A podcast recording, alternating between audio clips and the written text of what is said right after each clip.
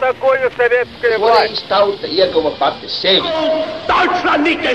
Liktenīgas nejaušības un slēptas likumsakarības, subjektīvas patiesības un objektīvi aizspriedumi.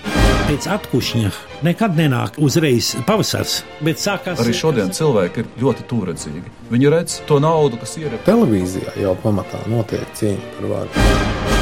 Pagātne no šodienas skatu punkta un šodienas caur pagātnes prizmu. Raidījumā šīs dienas acīm. Katru svētdienu Latvijas radio eterā Eduards Liniņš. Labdien, cienījamie klausītāji!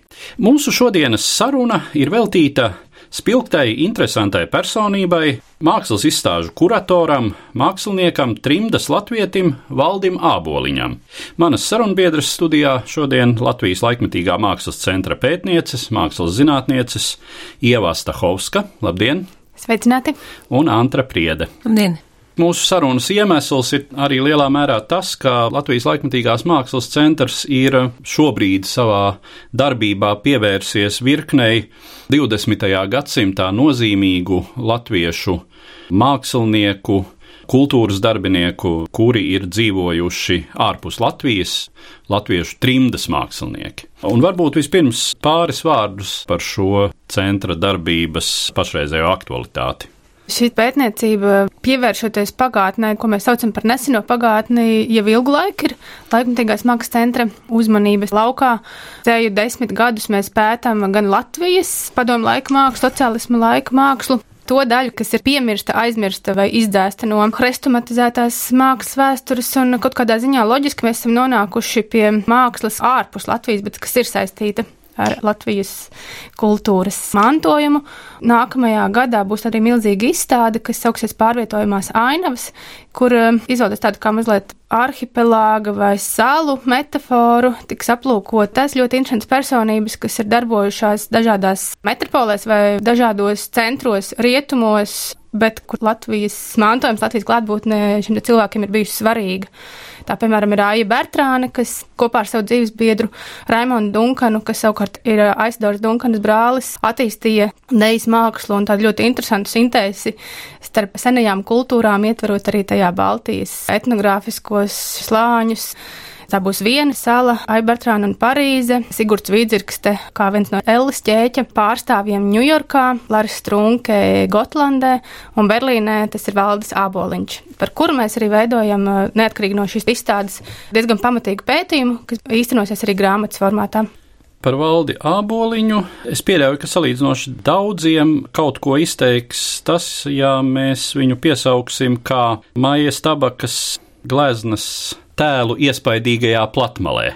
Un šī platmale, kā zināms, arī nav mākslinieces fantāzijas auglis, bet gan Aksesvārs, ko viņš ikdienā lietoja, un no tā nešķīrās arī dzīvojoties iekštelpās. Tātad par valdā aboliņa biogrāfiju dzimis 39. gadā Latvijā un kā Ļoti daudzi šajā paudzē dažu gadu vecumā nonācis tobrīd kara sadalītajā Vācijā, Vācijas rietumdaļā, kur tad arī palicis un pavadījis visu savu mūžu.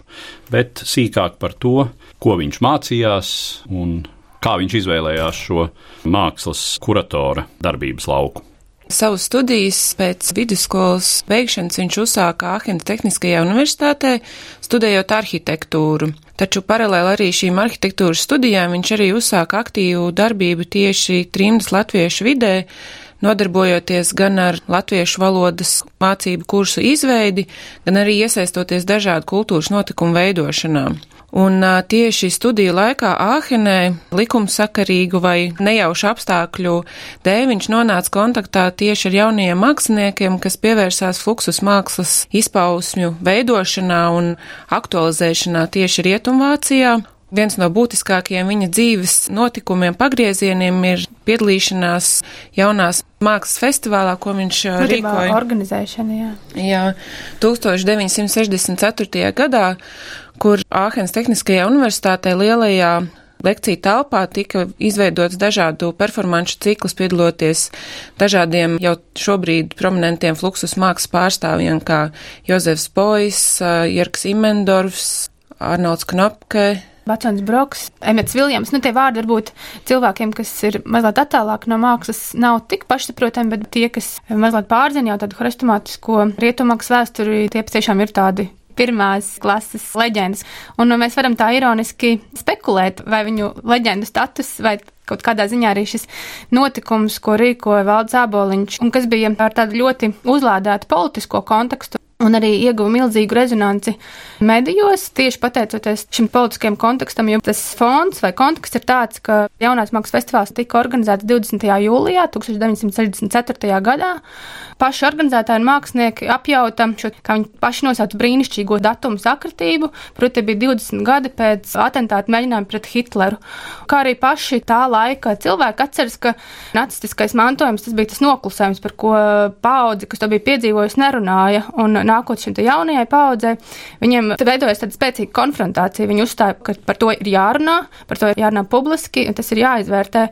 Un par to arī kļuva šis pasākums. No vienas puses tā ir māksla, tajā bija ļoti daudz tādas spēles, absurda elementi, daudz tādas stilistiskas lietas, kas raksturo fluksus, kas ir tāds pēckara avangarda mākslas, spēcīga spilgta kustība, ko turklāt nodibināja tādā ļoti institucionālā veidā mākslinieks, kas arī saistīts ar Baltijas valstīm, proti Džordžs Jurģis Mečūnas, Un šeit 20. jūlijā performancēs vai happeningā, aģitpropa mākslā, kā viņi paši to dēvēja, arī daudz darbi runāja par nacistisko mantojumu. Tas izraisīja ļoti pretrunīgu reakciju arī skatītājos, arī universitātes vadībā, līdz pat tam, ka ir no vienas puses šis leģendārais vai pat varētu teikt tāds mazliet arī komiskais moments, ka kāds neapmierināts skatītājs izraisīja konflikta reakciju pret Jozefu Boisu, iešļot viņam arī pa seju, un ir šī fluksus un arī avangārda vārdā. Vizuālais liecībās ļoti leģendārs attēls ar slaveno Jozefu Boisu, kurš tur uh, nebutisko krustu ar asiņainu degunu, kas bija šī festivāla kulminācijas punkts. Bet gala rezultātā tas hauss, kas radās tādēļ, pasākums tika pārtraukts, vēlāk tika iesākts tiesvedības process pret pasākumu organizētājiem, apsūdzot viņus par nacismu upuru necienīgu attieksmi pret viņiem, kaut gan pasākums bija tieši pretējs. Viņš bija veltīts nacismam, vēsturei un, protams, arī upuriem. Bet valda āboliņa gadījumā, kā jau Antra teica, tas bija tāds pagrieziena punkts. Viņš saprata, ka viņu neinteresē māksla, kas vienkārši nodarbojas pati ar sevi. Viņu interesē politiska māksla. Vai, ja māksla nevar būt politiska, viņu interesē politika. Tas arī savā ziņā veidoja tādu kā pavērsienu viņa interesēs un aktivitātēs. Jāņem vērā, ka tā laika Āhenes intelektuālā un arī sabiedriskā vide bija tomēr ļoti konservatīva, un tas vēl ir četri gadi līdz studentu nemieriem 68. gadā, bet būtībā viņš jau šajā laikā uztvēr tās vibrācijas un to sajūtu, kas notika studentu vidū, un viens no tiem, kas ir uzsācis dalību pie procesiem, kas kulminē šajā 68. gadā. Un arī viņa turpmākā darbība Latvijas trimdas vidē ir līdzīga saturā un veidā, kā bija šajos 64. gada notikumos, jo viņš visu laiku bija tas, kurš caur stiprākiem vai vājākiem provokatoriskiem mēģinājumiem mēģina uzdot šos nērtos jautājumus un pretstatīt, lai sāktos dialogs, pagātnes izvērtēšana un attiecīgi arī šodienas telpas tā apjausme, kur mēs esam šobrīd un kādai trimdas kultūrai vajadzētu būt komunikācijai tā laika padomu Latvijas kultūras vidi un sabiedrību. Tā kā ne tikai šajās mākslinieciskajos virzienos noformējās viņa personība, bet arī attieksmē pret procesiem kā tādiem. Valdis Āboliņš nonāk patiešām vairāku tādu ļoti nozīmīgu, kā jūs jau iezīmējāt, tendenču krustpunktā un arī kolīzijā. Ja mēs saprotam, ko nozīmē trimdas latviešu sabiedrība un tās attieksme, pirmkārt, protams, pret padomi totalitārismu, bet līdz ar to lielā mērā arī pret jebkādu kreisumu. No otras puses, ja lasa to, ko Valdis Āboliņš ir rakstījis, cik no es tam pavisam nedaudz esmu pieskāries, tad pirmais, tomēr, ko es gribu atzīmēt, jūt šo pamatīgo uz latviskuma saglabāšanu orientēto izglītību, kas acīm redzot ir dota pirmkārt jau pārvietoto personu nometnēs, latviešu skolās. Katrā ziņā Āboliņš ļoti labi pārzina līdz otrajam pasaules karam tapušo latviešu literatūru, kultūru. Viņš citē Raini, un Rainī viņš atroda atbalsi savai izjūtai, jo Raina kreisums viņam arī kļūst ļoti tuvs, un viņš pieķeras, var teikt, šiem motīviem, atrod, izvelk tieši šos motīvus un lieto tos polemikā ar saviem tautiešiem rietumos, kuriem, protams, šis kreisums ir eh, ļoti problemātisks, smaigi izsakoties. Klaužs brālis Kārlis atceras, ka viņu trimdas vidē tika saukta par sarkaniem āboliņiem. apspēlējot šo viņu idejisko pārliecību. Un patiešām valdis piederēja tiem, ko tā laikā mēs devēt par jaunajiem kreisajiem. Viņš gan nebija vienīgais. Veidojās tāda neliela grupiņa, kas arī veica tādu programmatisku darbošanos. Tā kā šie cilvēki bija bāzēti ķelnē un ķelnes apkārtnē, tad dažkārt arī viņi paši neformāli sevi mēdz devēt par ķelnes grupu. Tam piederēja arī valžu brālis Kārlis Āboliņš. Mārtiņš Būmanis, Ojārs Rozīts, ar kuriem mēs arī esam daudz runājuši, kas gan bija teju paudzi jaunāki par valdi, Un vēl, protams, arī virkni citu, bet tev ir cilvēki, kas patiešām arī ļoti apzināti pievērsās sarunām, diskusijām, tādas savas gan programmatiskas pārliecības definēšanai. Viņi visi arī bija, protams, aktīvi Eiropas Latviešu jaunatnes organizācijas biedri, kas gan piedalījās kongresos, gan arī paši organizēja tos. Un mums diezgan daudz sanāk šeit pētījumu ietveros tikties, sadarboties, lūgt padomus tādā informācijas sapratnē. Šobrīd aktīviem trimdas vēstures pētniekiem, un viens no tādiem ir, piemēram, Girts Zegners, Un eh, viņa allaži atgādina, ka Elja, Eiropas Latviešu jaunatnes apvienība, viņa nebija neitrāla organizācija, viņa bija izteikti tāda politiska organizācija, kuras mērķis vai uzdevums kaut kādā ziņā bija nemitīgi strādāt ar šo Latvijas okupācijas atzīšanas faktu. Un šādi jaunie kreisie tur bija dīvaina novirze, un kā arī valžu laikbiedra allaži uzsver, tā bija ļoti neprasta kombinācija - trimds latvieši un kreisī, un turklāt valžu gadījumā viņš perfekti pārzināja arī jaunā kreisuma idejas. Tikpat brīvi, kā viņš citēja Raini, viņš citēja arī Herbertu Markūzi, Teodoru Adorno un tā laika redzamākos domātājus.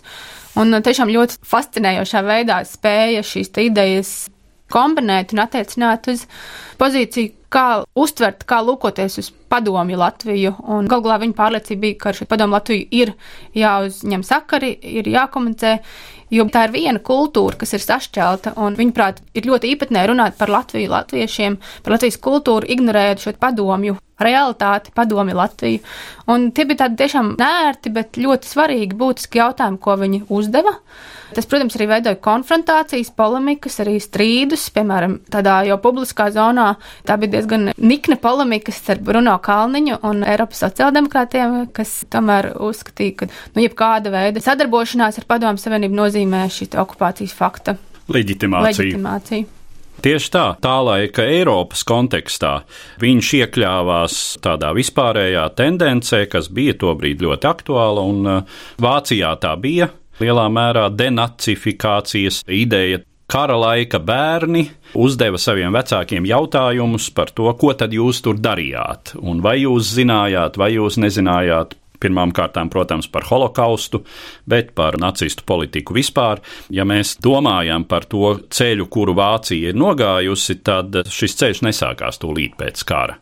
Katrā ziņā nelielākajai daļai vācu sabiedrības, bet sākās tieši 60. gadu sākumā ar daudziem notikumiem daudzās sfērās, tā skaitā slavenā Spīgela prāva, kas uh, spēra lielu soli uz priekšu preses brīvības ziņā, Bet no otras puses jāsaka, ka kontinentālajā Eiropā šajā virzībā bija arī, protams, radikāli akcenti, un tas saistās pirmām kārtām ar jauniešu kustībām Francijā, Itālijā, bet arī Vācijā.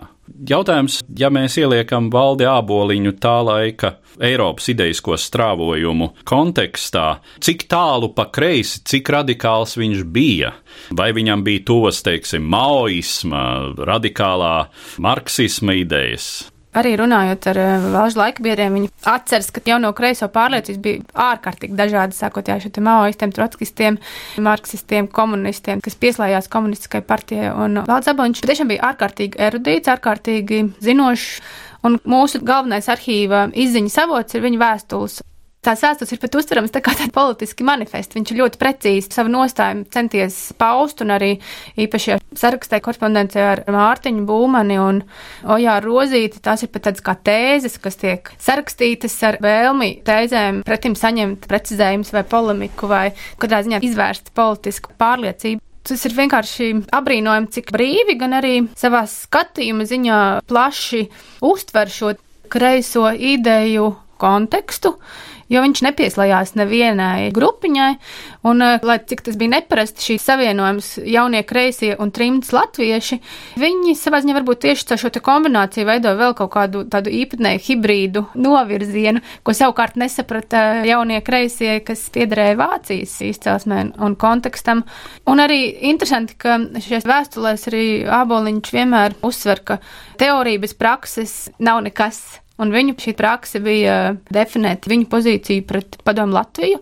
Un kā nākamais solis sazināties, stāties sakaros ar Padomu Latviju, kas arī notika caur šo kultūras sakaru komiteju ar tautiešiem ārzemēs, par ko viņi, protams, arī izpelnījās krietni lielu nosodījumu virknē trimdas sabiedrības, bet tā bija šī teorijas pakārtošana vai salāgošana ar pavisam praktiskām nodarbēm, un Āboliņa gadījumā un arī viņa kolēģu gadījumā viņi izvēlējās tieši šo kultūras ceļu. Pirmais notikums un arī pirmais brauciens uz Latviju notika 1973. gadā ar ļoti konkrētu mērķi. Valdes Aboliņš kopā ar Edvīnu Pāsu ieradās Rīgā, lai caur šo kultūras sakaru komiteju organizētu, veidotu latviešu mākslinieku izstādi Diseldorfā, starptautiskā mākslas gada tirgus IKI ietvaros, kas arī kā starptautiskais notikums, viņš arī bija tādu, kā runājoties ar Edvīnu Pāsu, mēs varējām saprast alternatīvu pozīciju mākslas pasaulē, kur jau tirgus un komercijas fonds tobrīd sāk nostabilizēties. Lai arī tie bija mākslinieki, kur vairums piederēja tādam drošiem māksliniekiem, tā izstāde bija tāds būtisks notikums šeit kultūras komunikācijā. Bet te jau parādījās šī valda āboliņa sadarbība ar māju tabaku, jo tāda arī jau gandrīz kā anegdotisks vai leģendārs pastāsts ir par to, kā māja tabaka, kas tobrīd nebūtu nebija drošā mākslinieca, bet drīzāk piederēja alternatīvai, neformālajai scēnai. Bet valda āboliņa tik ļoti fascinēja viņas darbi, ka viņš uzstāja diezgan nu, tā kategoriski, ka, ja jūs vēlaties šos citus citus māksliniekus, arī Maija Tabakai ir jābūt tai izstādē. Runājot par šo trimdas un tā brīža padomi Latvijas kultūras vides sadarbību, kontaktiem, nostājā, kas bija lielai daļai trimdas organizāciju, visai plašā spektrā, es teiktu, sākot no Daugavas vanagiem, beidzot ar Latvijas Sociāldemokrātisko strādnieku partiju, tā tad nesadarbošanās ar jebkādām institūcijām padomju Latvijā, tai bija savs racionāls pamats. Priekšstats par to, ka kultūras sakara komiteja ar tautiešiem ārzemēs ir uh, valsts drošības komitejas filiāle, ir pamatā pareizs. Tā bija absolūti strikti kontrolēta organizācija. Šos kontaktus meklējošos trimdas kultūras darbiniekus, starp kuriem bija diezgan daudz rakstnieki, kuriem, protams, bija ļoti svarīgi, lai viņu darbi nonāktu ne tikai trimdas auditorijā, bet iespēju robežās sasniegtu Latvijas lasītājus, kuru bija tomēr apmēram desmit reizes vairāk nekā trimdinieku, un attiecīgi tas bija iespējams tikai sadarbojoties ar padomju oficioziem izdevumiem, ar Latvijas Rakstnieku savienību, ar žurnālu Karoks.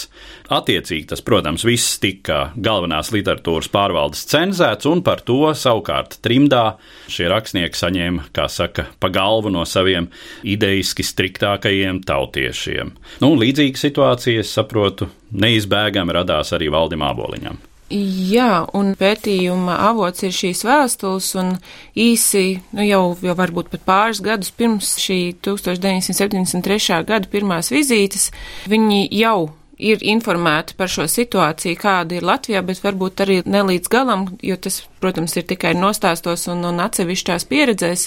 Taču jau pēc pirmās vizītes vēstulēs ir lasāms, ka viņš ļoti labi saprot šo sistēmu un kāds ir tas mehānisms, taču viņa šis iekšējais virsuzdevums rietumu mākslas un kultūras pasaulē parādīja, ka arī padomu Latvijā ir gan mākslinieki, gan mūziķi, gan literāti, kuri ir tipat augstvērtīgi vai profesionāli, un viņu vārdi iznest rietumu mākslas un kultūras vidē tas virsuzdevums bija tik spēcīgs, ka viņš pieņēma šo spēles noteikumus un savā ziņā viņus izmantoja savā labā.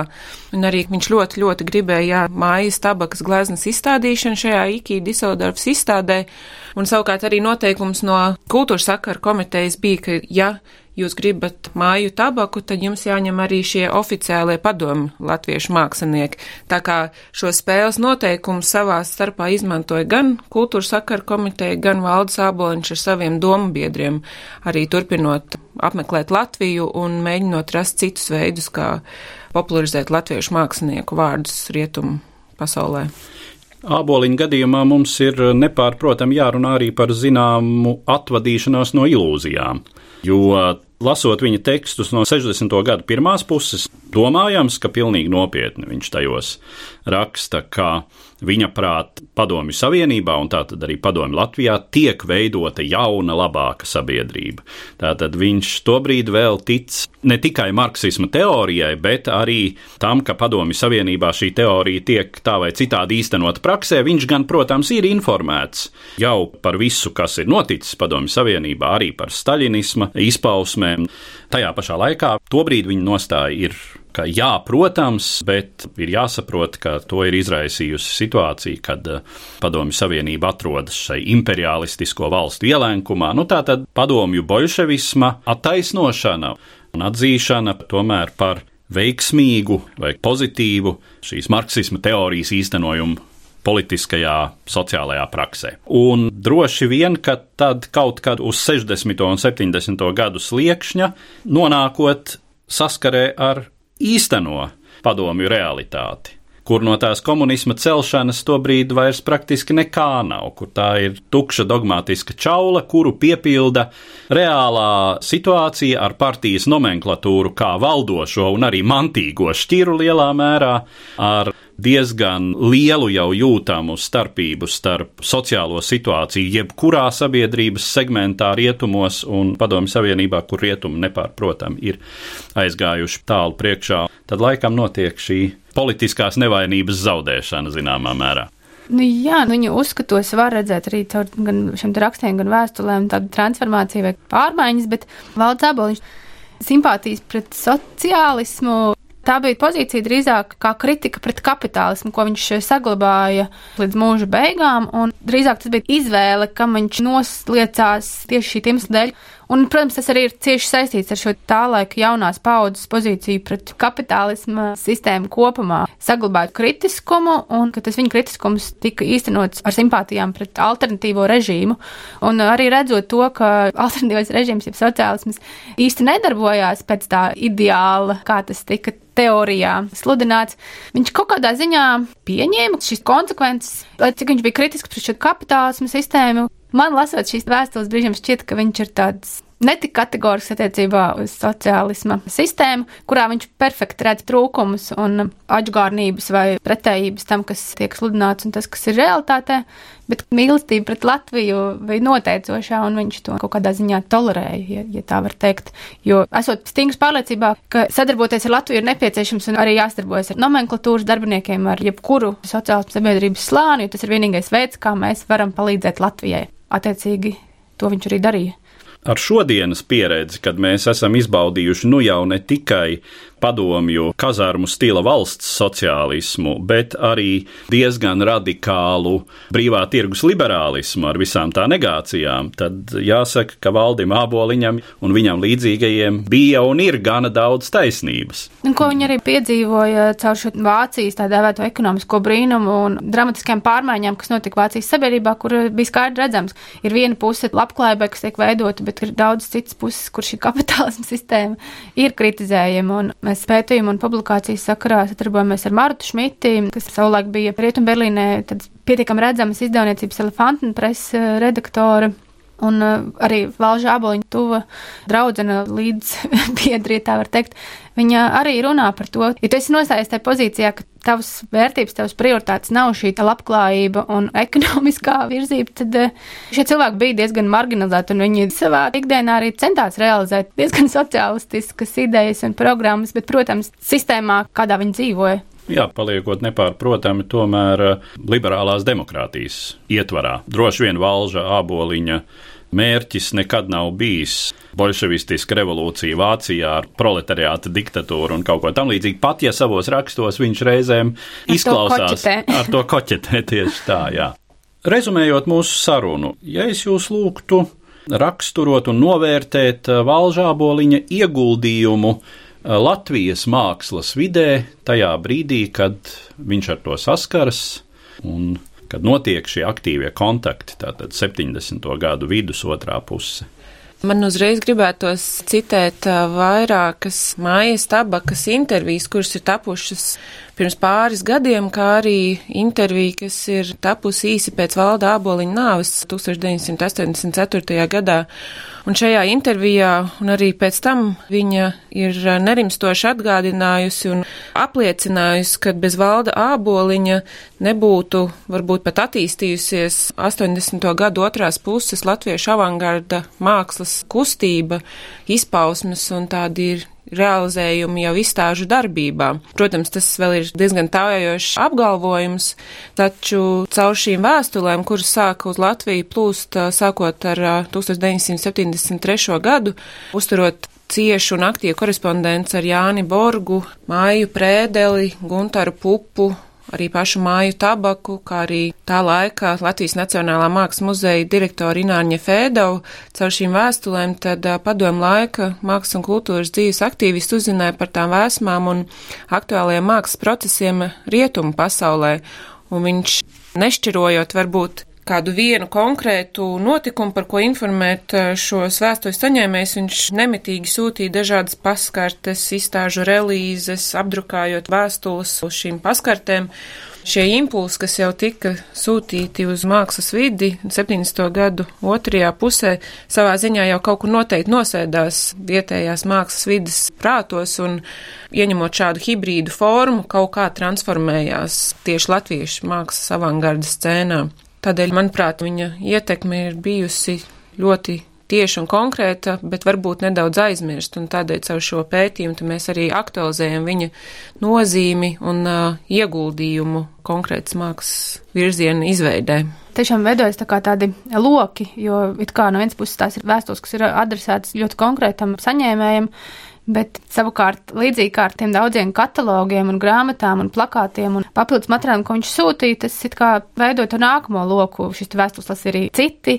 Nu, mēs šodien varam salīdzināt kaut kādu Wikipēdiju vai milzīgi informācijas erudīcijas lauks, vārdi, apraksti, literatūra, māksla, kino, teātris. Jo Valds Aboņš dzīvo ļoti, ļoti intensīvu dzīvi, kā to atceras itin visi viņa draugi, un šo intensitāti viņš milzi lādiņa devā arī lika vēstulēs, un tas nešaubīgi bija tāds lādiņš arī, ko šeit Latvijā dzīvošie draugi saņēma. Un arī 80. gada avangarda māksla, tā bija jau cita paudze, kas tika izstādīta, bet tā rezonants veidojas ļoti tieši pēc Valžāboņa nāves. Viņa draugi gan šeit Latvijā, gan Rietumvācijā, un to mēs nepieminējām, ka viņš desmit pēdējos savas dzīves gadus bija ļoti vadošā pozīcijā rietummākslas scēnā, proti viņš bija jaunās tautāju mākslas biedrības formā, tas saucās izpildu sekretārs vai izpildu direktors, tad viņš bija šīs institūcijas vadītājs. Un tā savukārt bija viena no redzamākajām, tobrīd arī izteikti kreisa mākslas institūcija, un pēc viņa nāves arī šis NGBK novērtējot savu bijušo kolēģi, nolēma veidot izstādi, kas no vienas puses būtu veltīta pašam valdim, un no otras puses viņa sapnim par Latvijas mākslas parādīšanu rietumos, un tā bija šī grandiozā izstāde, kas notika 1988. gadā, kas ir gads, kad Rietuma Berlīna bija Eiropas kultūras galvaspilsēta, un kā arī laikbiedri atceras izstāde Rīga Latviešu avangards bija viens no tādiem spilgtiem notikumiem tā gada Rietumberlīnas kultūras programmā, un bez Valdā Boliņa tā izstāde noteikti nebūtu notikusi. Un tas būtiski mainīja daudzu mākslinieku likteņus. Hārdijs Lediņš, kas tur piedalījās, un uh, nebija sajūta restaurācijas darbnīca, Ojārs Pētersons, Aļaks Tilbergs, Kristaps Ģēlis arī izstādes Berlīnē, pēc tam Barbara Štraka, vācu kurtore, arī Valža, bijusi kolēģi, viņa 80 gadu beigās, 90 gadu sākumā ļoti daudz nodarbojas ar Baltijas mākslu, arī Latvijas mākslu. Tas vilnis vēlās ilgus gadus vēl pēc Valža nāvis kas ir tēma, kuru mēs šeit vairs iztirzāt nevaram laika trūkuma dēļ. Tas jau iekļāvās trešās atmodas un uh, atjaunojamās Latvijas atpazīstamības būvēšanā rietumu pasaulē aiz bijušā dzelzs priekškara. Ar to mēs arī varētu noslēgt mūsu šodienas sarunu, kas bija veltīta Valdim Āboliņam, trimdas latvietim, nozīmīgam Vācijas mākslas vidas darbiniekam, un es saku paldies manām sarunbiedrēm, Latvijas laikmatīgās mākslas centra pētniecēm Ievai Astahovskai un Antrai Priedei. Katru svētdienu Latvijas radio viens par pagātni sarunājas Eduards Līniju.